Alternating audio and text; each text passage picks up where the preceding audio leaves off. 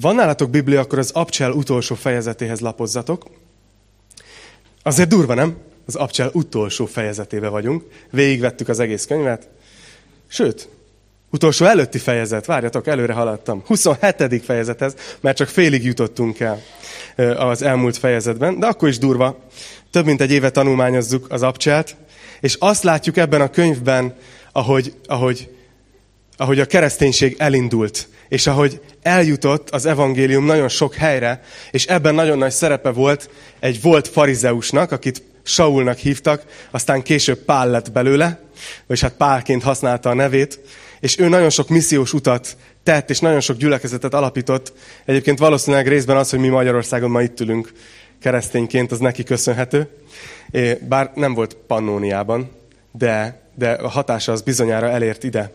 És azt látjuk, hogy ő miután megtette a missziós útjait, utána el, elfogták Jeruzsálemben, a rómaiak kimentették a zsidók kezéből, és innentől kezdve, mivel római állampolgár volt, római jogi eljárás van ellene, és, és ő, mivel érezte, hogy ott van egy kis korrupció gyanús dolog Cézáreában, ezért kérte, hogy a császár előtt ítélkezzenek fel, tehát fellebbezett a legfelsőbb bírósághoz, és ezért azt láttuk a legutóbbi részben, hogy el is indult Róma felé. És nagyon érdekes dolgokat láttunk már eddig ezen az utazáson. Ha, ha emlékeztek, akkor láttuk azt, hogy az a, az a százados, akire rábízták, Julius, nagyon emberségesen bánt vele úgy bánt vele, hogy például megengedte, hogy leszálljon a hajóról az egyik kikötőbe, és elmenjen a barátaihoz. És tudta, hogy a fogoly vissza fog jönni. Akkoriban egy római katona elvesztett egy foglyot, az nagyon durva volt, mert rászállt a büntetése. És, és mégis ilyen bizalmat élvezett Pál. És azt láttuk, hogy Lukács és Aristarkosz is vele tartottak, tehát barátok is voltak Pállal. Nem annyira fogolyként utazik, nem teljesen fogolyként utazik, hanem van valamennyi szabadsága. És eljutottak szép kikötőig, Beszéltük, hogy az annyira volt szép, mint amennyire a finom főzelék finom. Nem volt egy, egy nagyszerű hely, és ezért a hajósok onnan tovább akartak utazni, csak egy picit, csak, csak két napnyit, csak 65 kilométernyit a következő kikötőbe. És az történt, hogy az az idő alatt, amíg tovább indultak, lecsapott a vihar. És Pál hiába mondta előtte, hogy ez már veszélyes időszak, az utazáshoz már nem lenne szabad elindulni, nem hallgattak rá, elindultak, és azt láttuk, hogy az Eurakviló nevű vihar lecsapott. És akkor láttuk ezeket a totális kétségbeesés jeleit, ha emlékeztek, hogy, hogy leeresztették a horgonyt, aztán átkötötték a hajót alulról, hogy ne essen szét, aztán a hajó terhet, és végül is a hajó felszerelést is kidobálták, és végül ott hagytuk abba, ahol azt olvastuk, hogy napokon át sem a nap, sem a csillagok nem látszottak, amivel navigálhattak volna, ami alapján tudhatták volna, hogy hova tartanak. Tehát amit itt látunk, az egy tengeri utazás, lehet, hogy már az előző tanításban is tengeri betegek lettetek, ma ez csak folytatódni fog. Itt vannak egy teljesen reményvesztett helyzetben. És ha emlékeztek, akkor ebben a helyzetben, ebben a nagyon reményvesztett helyzetben Pál felállt a hajón, és elkezdett beszélni az emberekhez. És azt mondta, hogy Isten mondott nekem valamit. Ja, bocsánat, először azt mondta, hogy én megmondtam nektek valamit. nem bírta kihagyni. Én megmondtam, hogy nem kellett volna elindulni. De Isten is megmondott valamit. És azt mondta meg, hogy nem fog elveszni az életetek, csak a hajó. Úgyhogy bízzatok. És Pál tudta bíztatni ezeket az embereket, akik teljesen reményvesztettek voltak. Mennyi idő telt el, nem tudjuk pontosan. Ezen gondolkoztam, hogy készültem, meg próbáltam utána nézni, így megnézni a szöveget úgy, hogy, hogy mikor állhatott fel Pál ezzel az üzenettel de nem pontosan tudjuk. Azt tudjuk, hogy a második napon dobták ki a rakományt, a harmadik napon a felszerelést, és utána azt írja, hogy több napon át nem látták a napot. Szóval szerintem elég biztonságos, ha azt gondoljuk, hogy mondjuk az út közepe fele lehetett ez, hogy Pál felállt ezzel az üzenettel. Tehát mondjuk ilyen 6-7-8 nap után, de ezt mondom, ezt csak satszolom. Csak azért, azért mondom ezt, hogy bele tudjátok magatokat képzelni a hajón lévőknek a, a helyében. És ezután még hosszasan nem történt semmi. És ezen kezdtem gondolkozni, hogy akik ott voltak a fedélzeten, és már hét napja hánykolódnak, és föláll Pál, és azt mondja, hogy bízzatok, mert megmenekülünk. A hajó el fog veszni, de ti megmenekültök. Azok mennyire hittek? Szerintem voltak, akik, akik hittek, és voltak, akik meg... Na, ez megint szövegel ez az ember. Tudod, tehát ez a maradj már csömbbe végre, és várd a halált. Kb. lehet, hogy voltak. És szerintem, ahogy nőtt a napok száma, Pál elmondta ezt, hogy bízzatok, és utána még egy nap eltelik, még egy nap eltelik, még egy nap eltelik, még egy nap eltelik, és szerintem egyre kevesebben hittek neki, hogy, hogy amit Isten megmondott Pálnak, az tényleg Isten mondta. És ezzel akarlak titeket bátorítani, mert, mert Isten néha megmond nekünk dolgokat. De utána néha van egy hosszú várakozási idő, amíg ez be is teljesedik. Gondoljatok bele Ábrahám esetében, hogy Isten azt mondta, hogy gyermeket kapnak, és hány évet kellett még várniuk, hogy megérkezzen a gyermek. Józsefnek Isten gyerekkorába kijelentette, hogy egy nap ő lesz a családja vezetője. Hogy ő lesz a legnagyobb. Hogy ő egy vezető lesz, aki előtt mások meghajolnak. És hány évet kellett várnia, hány év börtön, meg minden, mire Egyiptom miniszterelnöke lett, igaz? Isten csinál ilyet velünk, hogy előre megmond dolgokat. Nekem is vannak az életemben ilyen ígéretei Istennek. Amit éreztem a szellememben már régóta, és még abszolút nem látom a jelét, hogy ez be fog teljesedni. Semmi jelét. És ilyenkor az van, hogy ilyenkor jön elő a hit. A hit az bizalom, hogy bízol-e Istenbe, aki megmondta ezt. Hogy ez nem a te kezedben van, nem hajtott be rajta, hanem amikor ő elérkezettnek látja az időt, akkor meg fogja tenni biztosan, amit megígért. És itt valószínűleg a, a hitüket építi ezeknek az embereknek Isten ezzel. De azt látjuk, hogy csak 14 nap után fog történni valami. Az nagyon durva. Bele tudtak képzelni, milyen lehet 14 napon át a tengeren lenni? Én, én, én abszolút nem. Nagyon durva lehetett. És azt mondja a 27. verstől, ahonnan folytatni fogjuk a 27. fejezetet, 27-27, hogy 14. napja sodródtunk az Adrián, amikor éjféltájban azt gyanították a hajósok, hogy valamilyen szárazföldhöz közelednek. Lebocsátották a mérőont, és 20 öl mélységet mértek. Amikor pedig kisét tovább mentek, és ismét lebocsátották, 15 ölet mértek. De mivel féltek, hogy esetleg sziklás helyre vetődünk, a hajó farából négy horgonyt vetettek ki, alig várva a viradatot. Na hát végre történik valami. Tudjátok, ha ez egy film lenne, akkor ki lenne írva, hogy a 14. nap. Tudjátok, jelenetváltás. És hogy végre egyszer csak a hajósok így, így, összenéznek, hogy halljátok, amit, amit mi hallunk? Lehet, hogy ezek ilyen, ten, ilyen, ilyen hullámverések, amik a sziklákon megtörnek. Lehet, hogy, lehet, hogy szárazföld közelébe vagyunk, és így leeresztik a mérőont, ami az akkori lézeres mérőtechnológia volt, hogy megnézzék, hogy mi, mennyi a tenger talaj. És azt írja, hogy, hogy 20 ölt mértek. Az, hogyha átfordítjuk, az 37 méter. Most ez egy olyan tengeren, aminek az átlagos mélysége 1500 méter. Az azt jelenti, hogy a part az nagyon közel van. Az, az itt van. Tehát tudták ebből a hajósok, hogy part közelébe vannak, de féltek ugyanakkor, hogy sziklás helyre érkeznek. Aztán egy kicsit tovább mentek, és már csak 15 ölet mértek, az 27 méter kb. Konvertálgatom nektek. Nem fejbe, leírtam. De az azt jelenti, hogy ha belegondoltok, hogy tovább mentek, és már 10 méterrel megint alacsonyabb a tengerfenék, hogy nagyon közel a part. Tehát itt már föl kell készülni, és milyen érdekes, nem, hogy erre vártak hány napja, hogy valami szárazföld legyen, hogy ne csak sodródjanak a tengeren megállíthatatlanul. De amikor végre itt van a szárazföld, akkor ott van az újabb félelem, hogy de mi van, hogyha sziklás helyre vetődünk, és mi, mi van, hogyha hiába vagyunk szárazföld közelében, mégis mind meghalunk. Látjátok? Isten neveli a hitüket. Isten neveli a hitüket, mert megmondta Isten, hogy túl fogják élni. De ők teljesen be vannak parázva.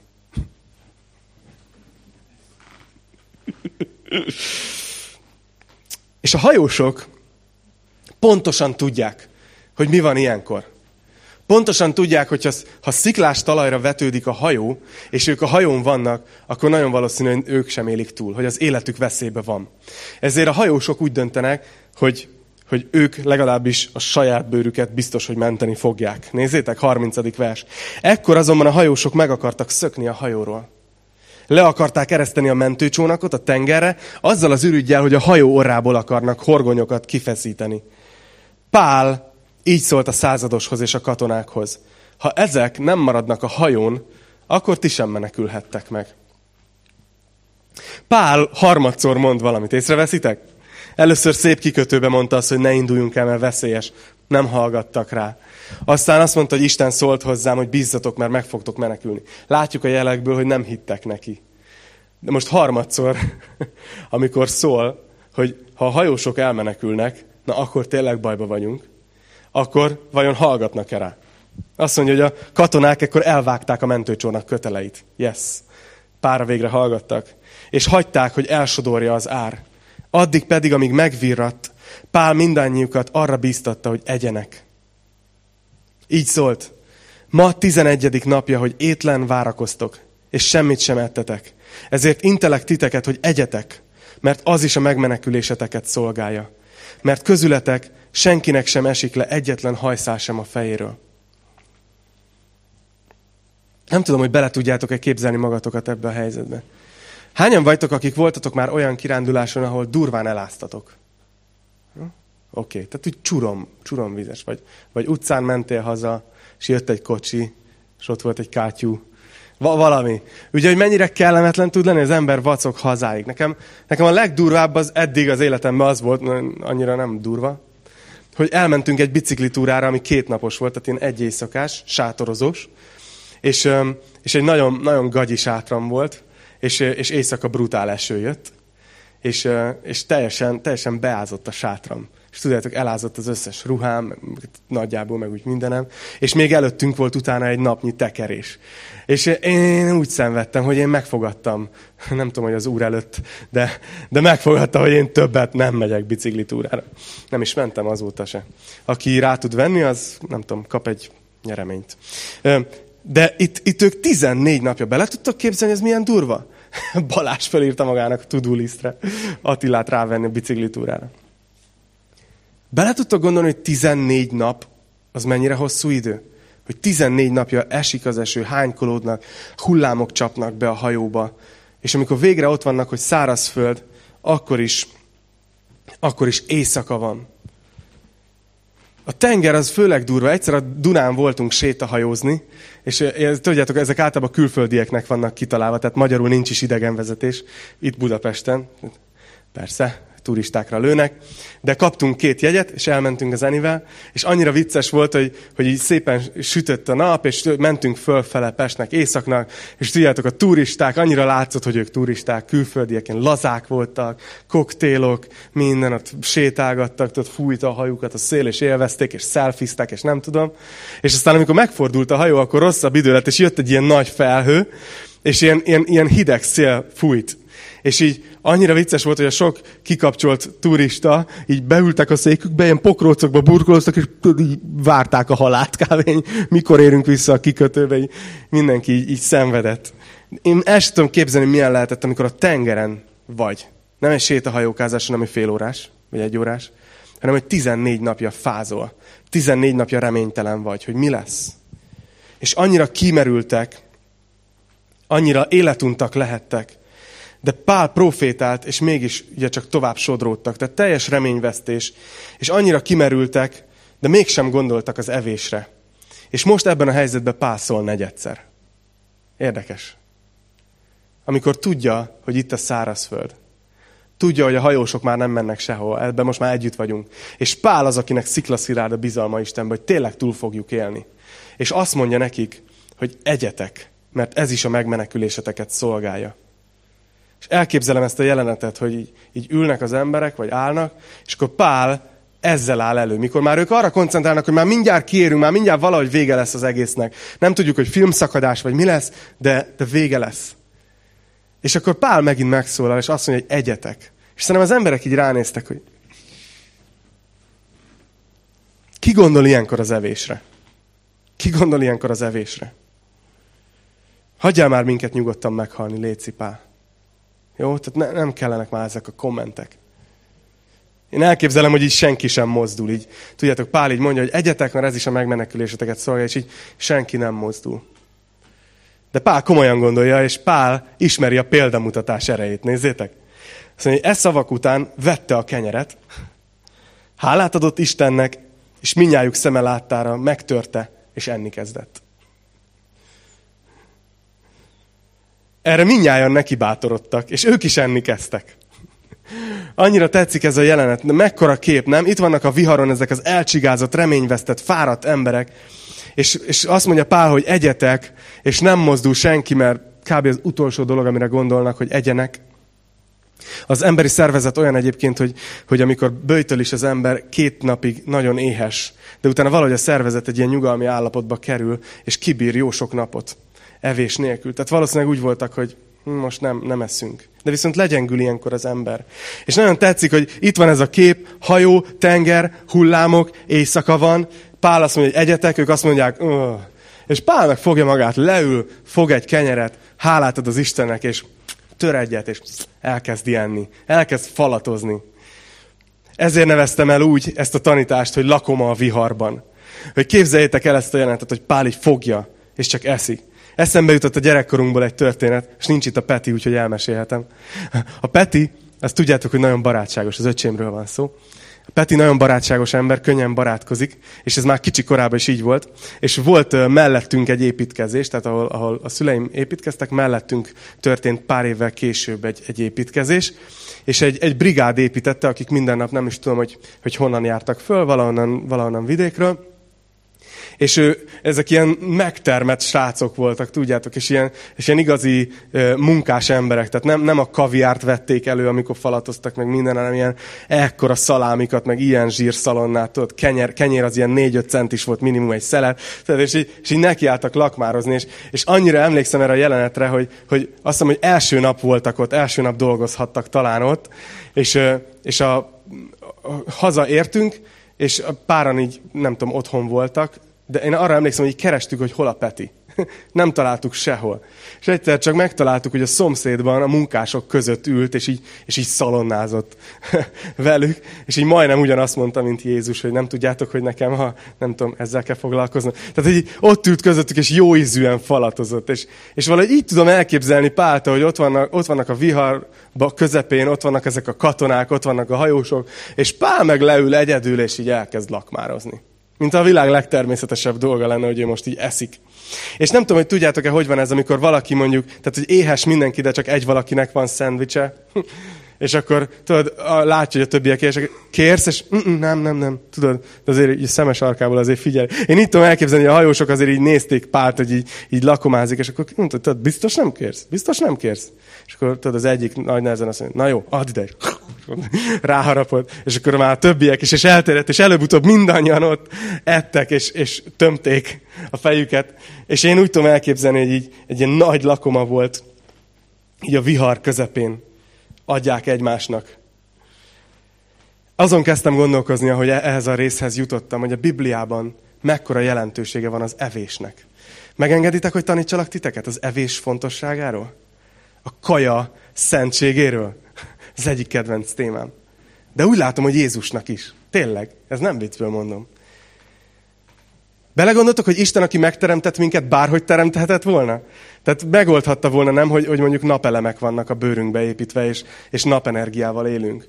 Tehát, hogy miért úgy találta ki Isten az emberi szervezetet, hogy, hogy, hogy valamit be kell tenned a szádba, összerágni, lenyelni, tovább nem folytatom, mindenki jár biológia órára, de, de hogy valahogy ez az evés benne része az életünknek, és azért, mert azt hiszem, hogy ennek teológiai jelentősége van. Dávid azt mondja a Zsoltárban, 23. Zsoltárban, hogy asztalt terítesz nekem az ellenségeim szeme láttára.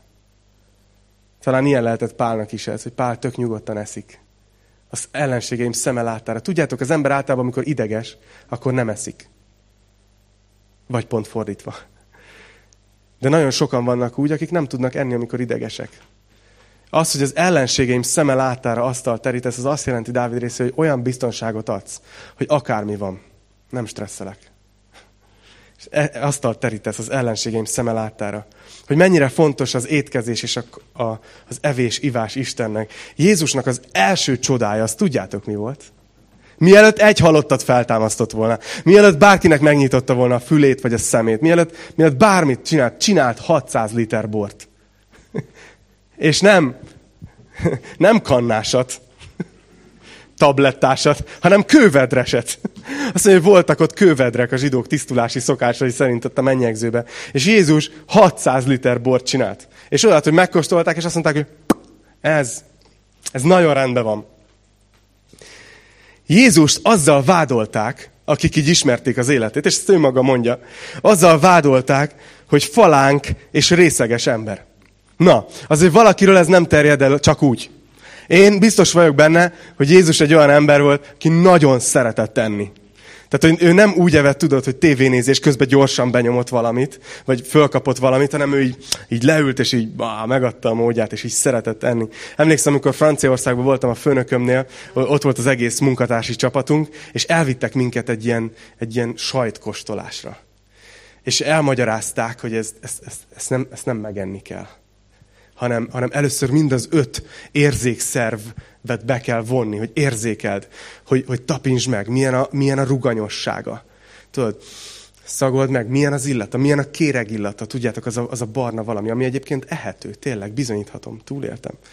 Hogy, tudod, hogy milyen, a, milyen az illata, hogy, hogy, hogy milyen a tapintása, hogy amikor, amikor, amikor beleharapsz, akkor milyen hangja van, hogy, hogy omlik szét, és, és milyen íze van, és, és milyen látványa van. Nézd meg a textúrát a, a, a külsején. Na biztos, hogy mentek sajtot venni az Isten tisztelet után. Olyan jó volt. És hirtelen megértettem, hogy miért esznek ekkora adagokat, mert, mert ki élvezik minden egyes falatot. Jézusról azt mondták, hogy falánk, és részeges ember. A falánk az azt jelenti, hogy sokat evett. Olyan megnyugtató. Máté 11-19, ha valaki nem hisz nekem, jó? Otthon megnézhetitek.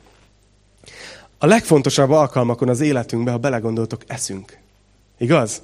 Legyen az egy eljegyzési ebéd, egy esküvő, bármilyen díszvacsora, egy karácsonyi vacsora, egy családi összejövettel, bármi. A legfontosabb pillanataihoz az életünknek étkezés kapcsolódik. Valahogy az étkezés fontos része az életünknek. És ezért annyira, annyira egybevág ezzel nekem az, hogy Jézus összesen két ceremóniát hagyott az egyházára. És ezek közül az egyik, az egy étkezés. Az egyik ezek közül úgy hangzott, hogy egyétek, vegyétek, mert ez az én testem. És vegyétek a poharat, és igyátok mert ez az én vérem. Nem furcsa? Hogy amikor Jézus az evangélium eszenciájára, lényegére akarja emlékeztetni folyamatosan a gyülekezetét, akkor azt mondja, hogy egyetek. Lakomázzatok. Nekem nagyon erős a párhuzam ebben a részben. Hogy itt van ez a, itt van ez a vihar, itt van ez a reményvesztett helyzet. Éjszaka van, és ők pedig esznek. És miért? Miért esznek? Azért, mert Isten megmondta, hogy meg fognak menekülni, egyikük sem fog elveszni, és volt egy ember, aki ebben nagyon erősen hitt, és elkezdett lakomázni, és utána a többiek is elkezdtek lakomázni. És azt mondja, hogy ez is a megmeneküléseteket szolgálja. És ott itt van a párhuzam, hogy azt érzem, hogy nekünk is az életünk nagyon sokszor viharos. Biztos, tudjátok, múlt héten többet beszéltem erről. A vihar, amit itt olvasunk, az simán átvihető a mi életünkre. Mert nagyon sokszor nem ilyen értelemben, hogy egy hajón, de egyszerűen otthon az ágyadba fekszel este, és nem tudsz elaludni. Mert annyi gondod van. És pöröksz, és kattogsz. És lehet, hogy úgy vagy vele, hogy, hogy fölnézel így magadban az égre, és úgy érzed, hogy nincs se csillag, se nap. Nem tudod, hogy mi alapján kéne az irányt kiválasztani, nem tudod, hogy merre kéne menni. És úgy érzed, hogy ez most már hosszabb ideje tart ez az időszak, mint ami elviselhető egy ilyen teljes viharos állapotban. És mi ebben a helyzetben megtehetjük azt, amit Jézus kért tőlünk. Hogy vesszük a kenyeret, és vesszük a szőlőtőnek a gyümölcsét. Magunkhoz. És ugyanarra, ugyanazért tesszük. A párhuzam ugyanez. Viharos az élet, de Isten nekünk megmondta, hogy megmenekülünk. Isten nekünk megmondta, hogy megmenekülünk. És ezért mi leülünk és eszünk. És ezért örülök annyira, hogy látjuk ezt, hogy a hajón mind hittek. Minden ember hitt? Nem. De volt ott legalább pár ember, és ott volt Pál, nagyon erős hittel, hogy nem fogunk elveszni. Ez volt a sziklaszirád meggyőződése. Isten megmondta, Isten megcsinálja, nem fogunk elveszni. És ott van, és e, e, átragad rájuk ez a hit, ahogy Pált látják lakomázni, ahogy Pált látják, ahogy eszik. És én ezért örülök annak, és ezért is tesszük azt, hogy minden héten, minden Isten tisztelet keretében urvacsorát veszünk. Azért veszünk urvacsorát, mert, mert hisszük, hogy Isten megmondta, hogy mi megmenekülünk. Igaz, hogy bűnös emberek voltunk. És azok is vagyunk. De Jézus Krisztus a kereszten a vérét kiontotta értünk. És ezért Isten szemében olyan igazak vagyunk most már, mint maga Jézus Krisztus. És amikor veszed azt a kenyeret, és veszed azt a, azt a poharat, akkor erre emlékezteted magad, hogy Isten megmondta, hogy én meg fogok menekülni. És nem annak függvényébe vesszük az úrvacsorát, és bátorítalak titeket is, hogy soha ne úgy vegyétek az úrvacsorát, amikor jön a tálca, és, és gondolkozol, hogy vegyél-e vagy sem. Ne azt tedd fel, hogy milyen volt a heted, hogy hogy sikerült viselkedned, hogy mit rontottál el. Mert ezeknek mind nincs köze ahhoz, hogy Jézus Krisztus ennek ellenére megmondta, hogy megmenekülsz. Elmondjam, hogy miért? Mert ha azt gondolod, hogy a te heti teljesítményed miatt esetleg nem jutsz be a mennybe, vagy hogy Isten most emiatt haragszik rád, akkor nem érted, hogy Jézus Krisztus mit végzett el a kereszten. Hogy Isten kitalált egy olyan rendszert, ő úgy tette össze a kereszténység lényegét, hogy az egyetlen dolog, ami miatt megmenekülünk, az, az a hitünk abban, amit ő tett. Értitek? Amikor azt gondoljuk, hogy mivel nem olyan volt a hetem, ezért nem veszek úrvacsorát, akkor gyakorlatilag nem más teszünk, mint hogy azt gondoljuk, hogy a mi cselekedeteink picit is hozzájárulnak az üdvösségünkhöz. És ez nem így van. Az üdvösségünket egyedül Jézus Krisztus szerezte meg a kereszten. Ha azt mondod, hogy a te cselekedeted ehhez bármennyi picit is hozzátesz, azzal értékteleníted azt az áldozatot, amit Jézus hozott érted a kereszten. És ami előtt inni kért, és azt mondta, azt kiáltotta a keresztről, hogy elvégeztetett. Ez be van fejezve. Ez megvan. Ez az egy dolog, ami miatt nem kell aggódnod az életben, ha hiszel a szívedbe Jézus Krisztusba. Ha tudod azt, hogy bűnös ember vagy, elég alázatos vagy, hogy beismerd, hogy nem vagy tökéletes, nem éred el a tökéletesség mércéjét és, és elég hited van ahhoz, hogy azt mondd, hogy, hogy elhiszem, hogy Jézus Krisztus értem tette, amit tett a kereszten. És elhiszem, hogy elvégeztetett. Elhiszem, hogy megvásárolta számomra az örök életet. Ha ebben hiszel, ebben még tudsz hinni, akkor, akkor vedd az úrvacsorát minden alkalommal. És ha nem tudsz hinni, akkor, akkor hívlak, hogy higgyél ebben. A kereszténység nem arról szól, hogy összerakjuk az életünket, és jó emberré válunk. A kereszténység nem egy erkölcs megjavító klub. Igen, hiszem, hogy az evangéliumnak van olyan hatása, hogy az emberek életében történnek változások. Nagyszerű, de ez melléktermék. A kereszténység lényege az az, hogy, hogy Isten megváltott minket. És ehhez mi nem tudtunk semmit hozzátenni. Ezt egyedül ő végezte el, és teljesen elvégezte. Nincs semmi híja. Amit mi tehetünk, hogy ezt hittel elfogadjuk, bizalommal elfogadjuk tőle. Azt hiszem kicsit kiléptem a jegyzetemből. Azt hiszem látjátok, hogy szenvedélyes vagyok a téma miatt. Annyira tetszik ez, hogy Jézus ezt mondja, hogy vegyétek, egyétek, emlékezzetek arra, hogy én mit tettem, értetek. És azt mondta Jézus, figyeljétek meg, ha már ott tartunk, hogy az étkezés mennyire fontos. Jézus azt mondta tanítványainak, Jézus azt mondta tanítványainak, hogy, hogy nem eszem ebből amíg újat nem eszek veletek az Isten országába. Hogy a menny, amit így nevezünk, hogy menny, az egy nagy vacsorával fog kezdődni. Amen. Ez nekem nagyon tetszik. Az első dolog a mennybe, ami fog történni. Ez egy nagy vacsora lesz. És újra lakomázunk Jézussal. Akkor már nem leszünk a tengeren. De egész addig, amíg az életünk tengerén vagyunk, azt mondta, hogy tegyétek ezt az én emlékezetemre. És azért imádkozom, hogy, hogy ahogy minden héten urvacsorázunk, ez erősítsen meg titeket abba, ahogy ezeket a hajósokat, ezeket a katonákat megerősítette abba, hogy Isten szeret minket. Hogy Isten elvégezte. És azt hiszem, hogy a világnak szüksége van olyan keresztényekre, mint Pál volt ezen a hajón. Mindannyiunknak van egy hajója, ahogy megyünk az életben.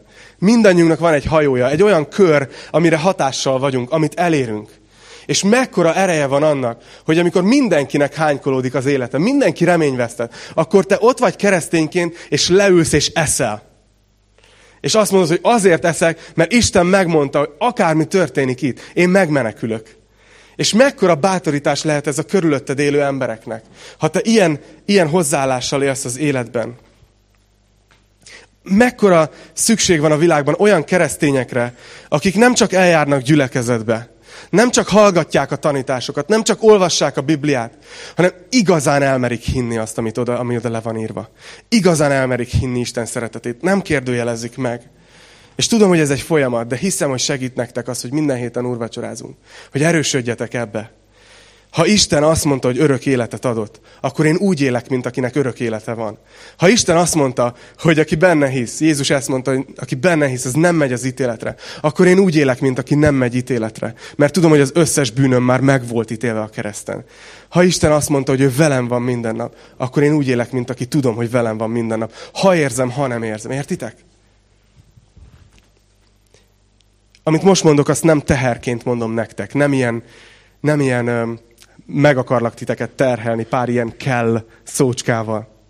De azt gondolom, hogy néha nekünk keresztényeknek könnyű belecsúszni abba az állapotba, hogy uh, úgy szét vagyok esve, jövök a gyülibe, és nagyon remélem, hogy egy bátorító tanítás lesz. És remélem, hogy fölemel. És ne értsetek félre, ez is a célom. Akarom, hogy bátorodjatok. Mert mindig lesz olyan, aki éppen lent van.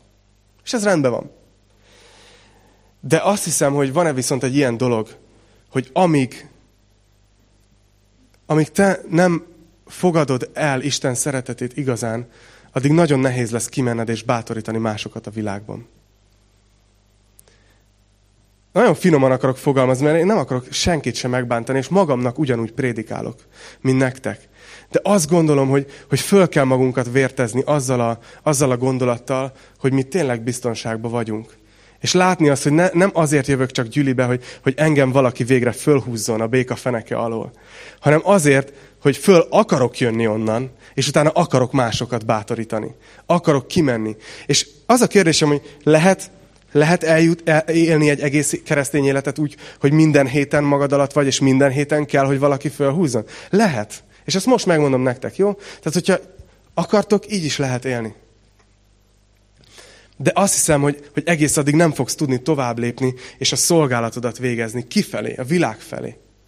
Amíg te magad nem fogadod el Isten bátorítását a saját életedre.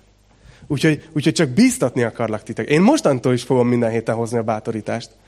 Minden héten fogom hozni.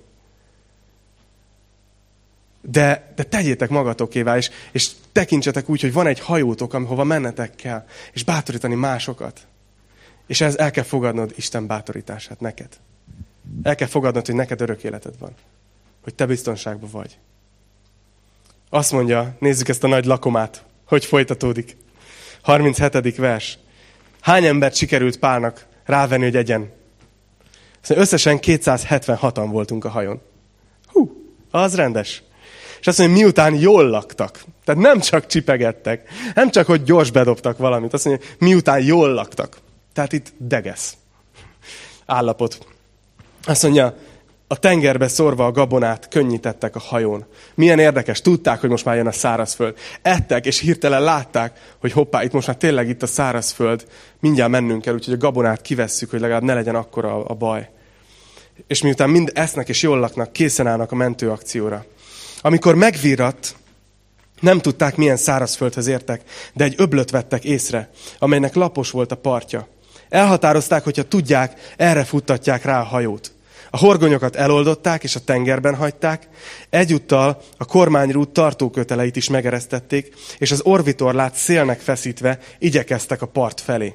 Lukács mennyire részletesen írja le, nem, hogy, hogy a hajót hogy készítették fel a landolásra. Azt mondja, amikor azonban egy föld nyelvhez értek, ráfuttatták a hajót, amelynek az orra belefúródva ott maradt mozdulatlanul, a hátsó része pedig a hullámveréstől szakadozni kezdett. Szóval látnak egy lapos öblöt, és elhatározzák, hogy, hogy oda futtatják ki a hajót, de ahogy megteszik az előkészületeket, egy földnyelvbe, amit valószínűleg nem láttak meg, eh, belefúródik a, a hajónak az orra, és a hátulja pedig a széltől és a, hullá, vagy a hullámveréstől elkezd mozogni, tehát innentől kezdve időkérés, hogy meddig bírja a hajós, mikor törik ketté. Nagyon titanik. De legalább szárazföld közelébe vannak. Lényegében Lényegében, ha sikerül lejutni a hajóról, és kiúszniuk a partra, akkor megmenekültek. Ami kihívás, mert le vannak gyengülve, 14 napja, csak sodródnak. És akkor itt van az újabb gond, hogy mivel szárazföld közelébe vannak, a romai katonáknak ez már veszélyes, mert innentől kezdve bármelyik fogoly kiúszhat, és eltűnhet. És ők gyakorlatilag elvesztik a fogjaikat. Úgyhogy úgy döntöttek, hogy egyszerűbb módon oldják meg ezt, nézzétek. 42. vers. A katonáknak az volt a szándékuk, hogy megölik a foglyokat. Nehogy valaki kiúszva elmeneküljön. De a százados meg akarta menteni Pált. Ezért visszatartotta őket elhatározásuktól, és megparancsolta, hogy akik úszni tudnak, azok ugorjanak először a tengerbe, és meneküljenek a szárazföldre, azután pedig a többiek kideszkákon ki a hajó, hajó egyéb darabjain. Nagyon radikális dolog, amit itt látunk. Én nekem majdnem, hogy itt van a legbátorítóbb üzenet a mai tanításban. Hogy Julius százados, aki a, aki a foglyok fölött van, döntéshozóként, itt egy nem racionális döntést hoz. Mert a racionális döntés az az lett volna, amit a katonák javasolnak, hogy megölni az összes foglyot, hogy nehogy elveszítsék őket, és a büntetés rájuk szálljon. De, de valamiért ez a Julius százados meg akarja menteni Pált. És ezért inkább bevállalja, hogy valaki a többi fogoly közül elszökik. Ez radikális, nem? Azért ez mekkora vállalás a részéről. Miért teszi ezt Julius? Ennyire megszerette vajon Pált? Ennyire kedves neki, vagy most csak találgatok. Lehet, hogy, hogy ennyire hatott rá az, hogy, hogy, hogy Istennel kommunikál Pál, és megmondott neki dolgokat, és tényleg úgy lett. Miért? Nem tudjuk pontosan, hogy mi játszódik le benne. De azt viszont tudjuk, hogy Pál 2000 kilométerrel arrébb, ami most már nagyon messzinek tűnik. Azt mondta Pálnak, hogy neked Rómában kell bizonyságot tenned. És úgy tűnik, hogy még abban a helyzetben is, amikor látszólag elkerülhetetlen a halál, mert ez szerencsétlen hajótörés, nagyon necces, hogy elszöknek a foglyok, teljesen természetes lett volna, hogy a római katonák megölik az összes foglyot, beleértve Pált. Születik egy teljesen irracionális döntés. Mert Pálnak Rómába kell jutnia. Mert Pálnak el kell jutni a császár elé. És ezért azt látjuk, hogy az úszni tudók kiúsznak, a többiek pedig a hajó darabjain, és ezt olvassuk az utolsó versben. Így történt, hogy minnyáján kimenekültek a szárazföldre. Itt ér véget ez a tengeri utazás, ami ma csekkoltam, vannak repülőjáratok, Cézárea Málta, vagy tehát Izrael Málta viszonylatban egy két óra 35 perces repülőút ma, ami közben kaphatsz még egy frissítőt is, meg nem tudom, vehetsz méreg drágán szendvicset. Nekik egy kéthetes rémálom volt ez a, ez a távolság. De az most véget ért.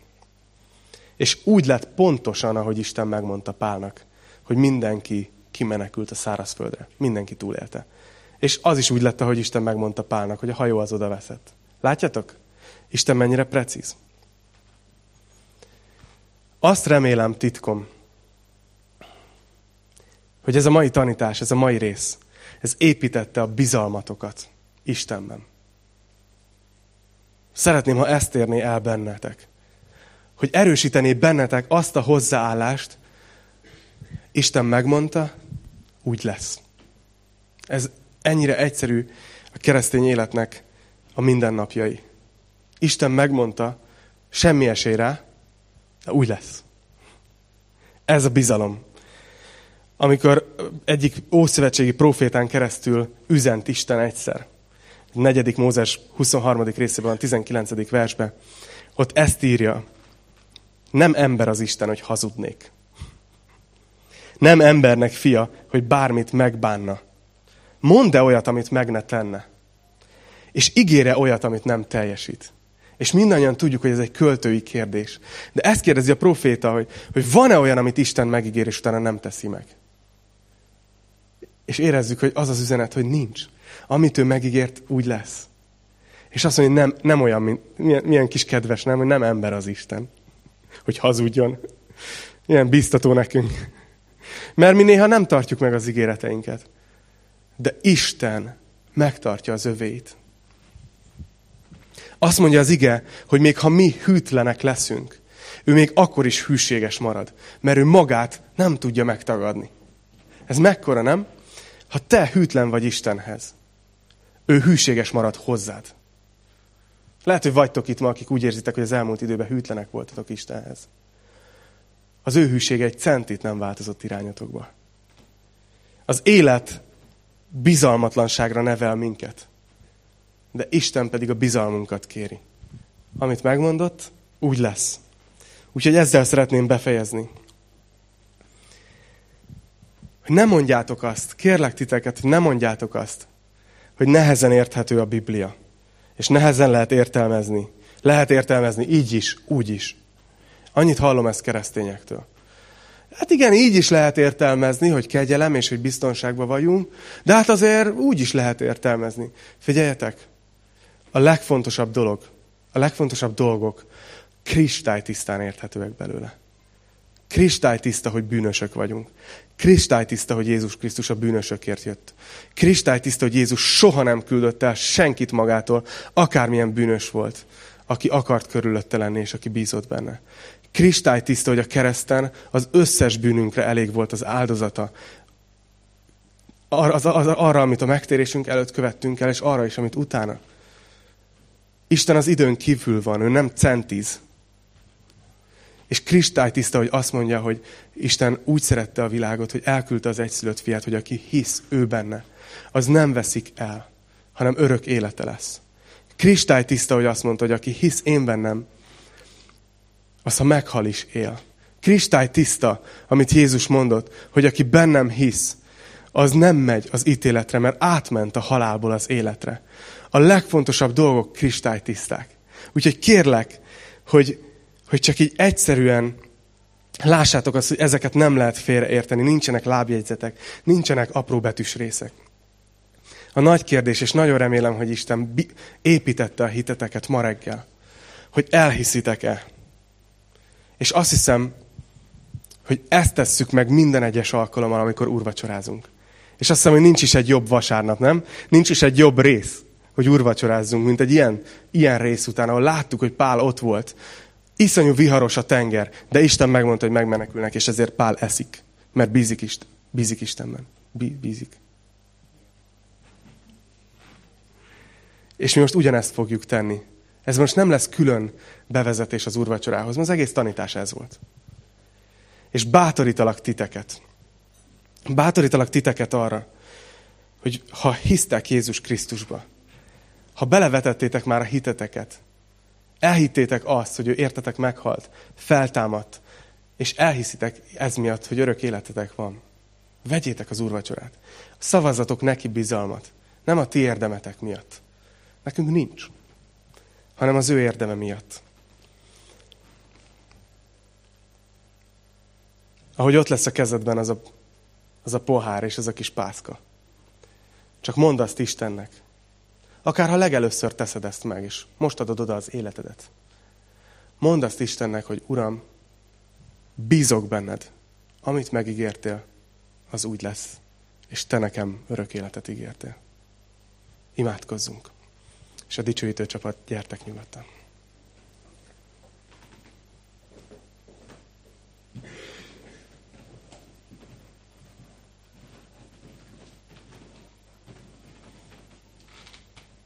Uram, köszönöm neked azt, hogy akármit hoz az élet, akármilyen viharos az életünk tengere, akkor a tanítást adtál nekünk ebből a részből. Engem személyesen annyira bátorítottál, és, és remélem, hogy sikerült átadnom a többieknek. Uram, hogy akármilyen viharos az élet, te hű maradsz. És te tudjuk, hogy megmondtad nekünk, akik hiszünk benned, hogy megmenekülünk. És Uram, szeretnénk ma újra megerősíteni a bizalmunkat benned, és azt mondani neked, hogy te megígérted, akkor ez meg lesz. Tudjuk, hogy meg lesz. Imádkozok érte, Uram, hogy, hogy te a szent lelkeddel biztosítsd a szívünket arról, hogy szeretsz minket. Erősíts meg minket ma, mindenkit, aki itt van. Imádkozom, hogyha valaki kedvetlenül jött, és fáradtan, és elcsüggetten az életbe, hogy ma, hogy ott lesz a kezében az a pászka és az a pohár. Uram, hogy te szólj a szívéhez, hogy igen, én megmondtam, neked is megmondtam, és komolyan gondoltam. Uram, imádkozom, hogyha van valaki, aki még soha nem adta át az életét neked, és még eddig nem hit benned, hogy legyen ma az a nap, Uram, amikor magadhoz hívod, és amikor jön az úrvacsora, akkor merje venni és a hitét belét tenni. Imádkozom, Uram, azért, hogy segíts minket túllendülni azon, hogy mindig csak mi akarjunk bátorodni. Segíts nekünk, hogy, hogy a mi hajónkon tudjunk bátorítani másokat, Uram. Kérlek, a Te egyházadat lásd el a Te békességeddel, a Te biztonságoddal, a Te szent lelkeddel tölts be minket, Uram. Hogy erősen mehessünk tovább, nem magunk erejében, hanem a Te, te benned való bizalom erejében. Az Úr Jézus nevében imádkozunk ezért. Amen.